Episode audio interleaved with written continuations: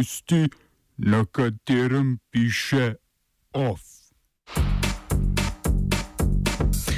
Nobelova nagrada za mir etiopskemu premijeju Abiju ah Ahmedu. V Kolumbiji protesti proti korupciji, nasilju policije in za višja vlaganja v šolstvo.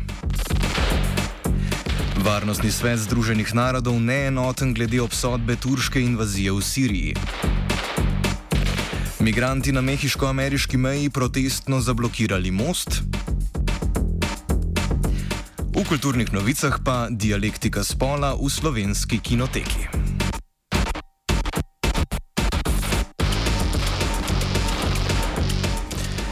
Dobr dan. Etiopski premijer Abi Ahmed je prejel Nobelovo nagrado za mir v vrednosti dobrih 800 tisoč evrov zaradi sklenitve miru med Etiopijo in Eritrejo.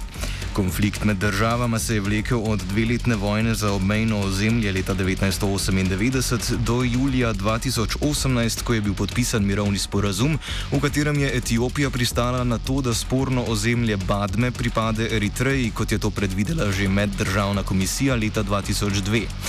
Razburjenje javnosti je sprožila podelitev Nobelove nagrade za literaturo pisatelju Petru Handkeju. Ta je namreč večkrat izrekel javno podporo politikam Slobodana Miloševiča in Radovana Karadžiča, predsednikoma Srbije oziroma Republike Srpske v času vojn po razpadu Jugoslavije. Tako združenje Matere Srebrnice napoveduje, tako združenje Matere Srebrnice napoveduje, da bo na Švedsko akademijo poslalo javno pismo z zahtevo po oduzemu nagrade. Po spletu tudi že kroži peticija z enako zahtevo. Obžalovanje nad odločitvijo akademije je izrazilo tudi Društvo pisateljev Ameriški PEN.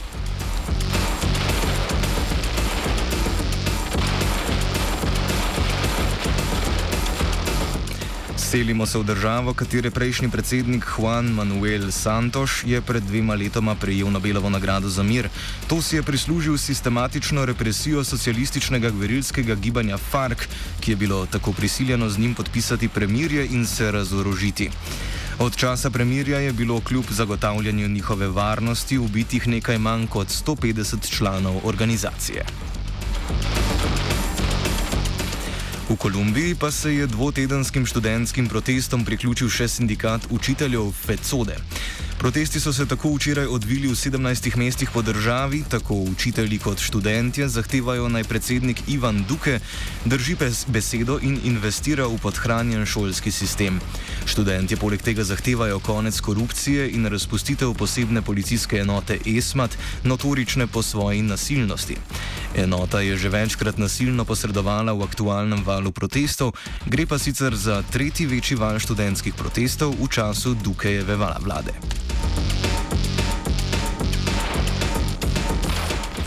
Varnostni svet Združenih narodov, ki se je sestavil na zahtevo Nemčije, Francije, Združenega kraljestva, Belgije in Poljske, je obravnaval vprašanje turške vojaške invazije v severno Sirijo, a do enotnega zaključka ni prišel. Izjave, ki so jo predlagale evropske države, namreč ni želela podpisati Rusija, ta je želela, da takšen dokument vsebuje tudi zahtevo po obsodbi nelegalne vojaške prisotnosti drugih narodov, torej koalicije proti islamski državi, ki jo podpirajo ZDA. Turški predsednik Recep Tayyip Erdoğan je medtem evropskim državam zagrozil z besedami: Hej, Evropska unija, spravi se v red. Če boste to operacijo označili za invazijo, bomo odprli vrata in poslali 3,6 milijonov beguncev proti vam. Od turške invazije v Sirijo je z območja napada sicer pobegnilo 70 tisoč ljudi.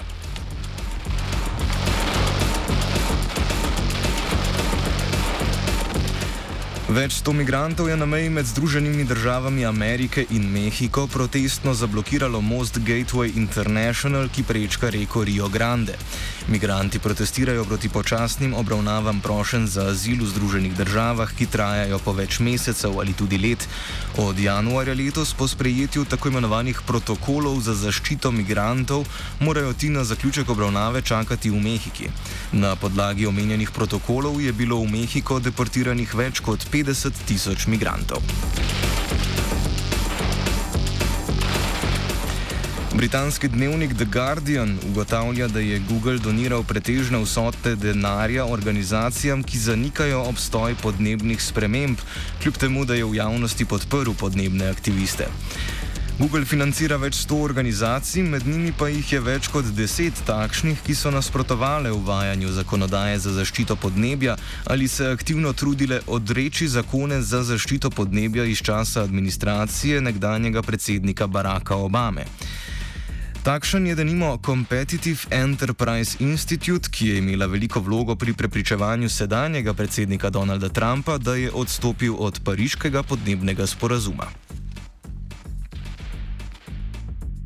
Oba, če, če bom odgovoril na angliški. Uh, uh, Slovenija will try to help. Uh, we can. Slovenija will. Uh, and we will. Do our utmost. To say that the situation is.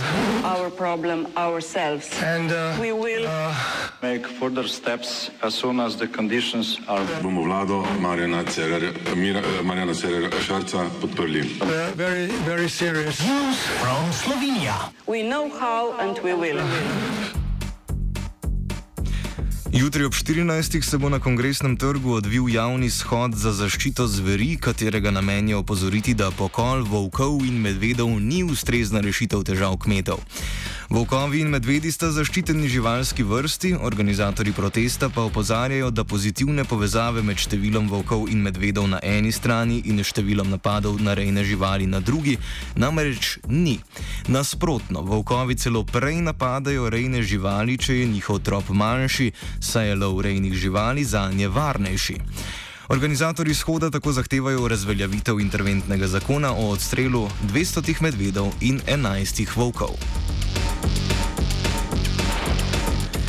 Za konec pa skupina Infokol pa zbira zimske jakne in plašče za prosilce za azil. Obleke lahko dostavite v prostore Radio Student na Svečevo 9. Of je pripravila Zala, sledijo kulturne novice.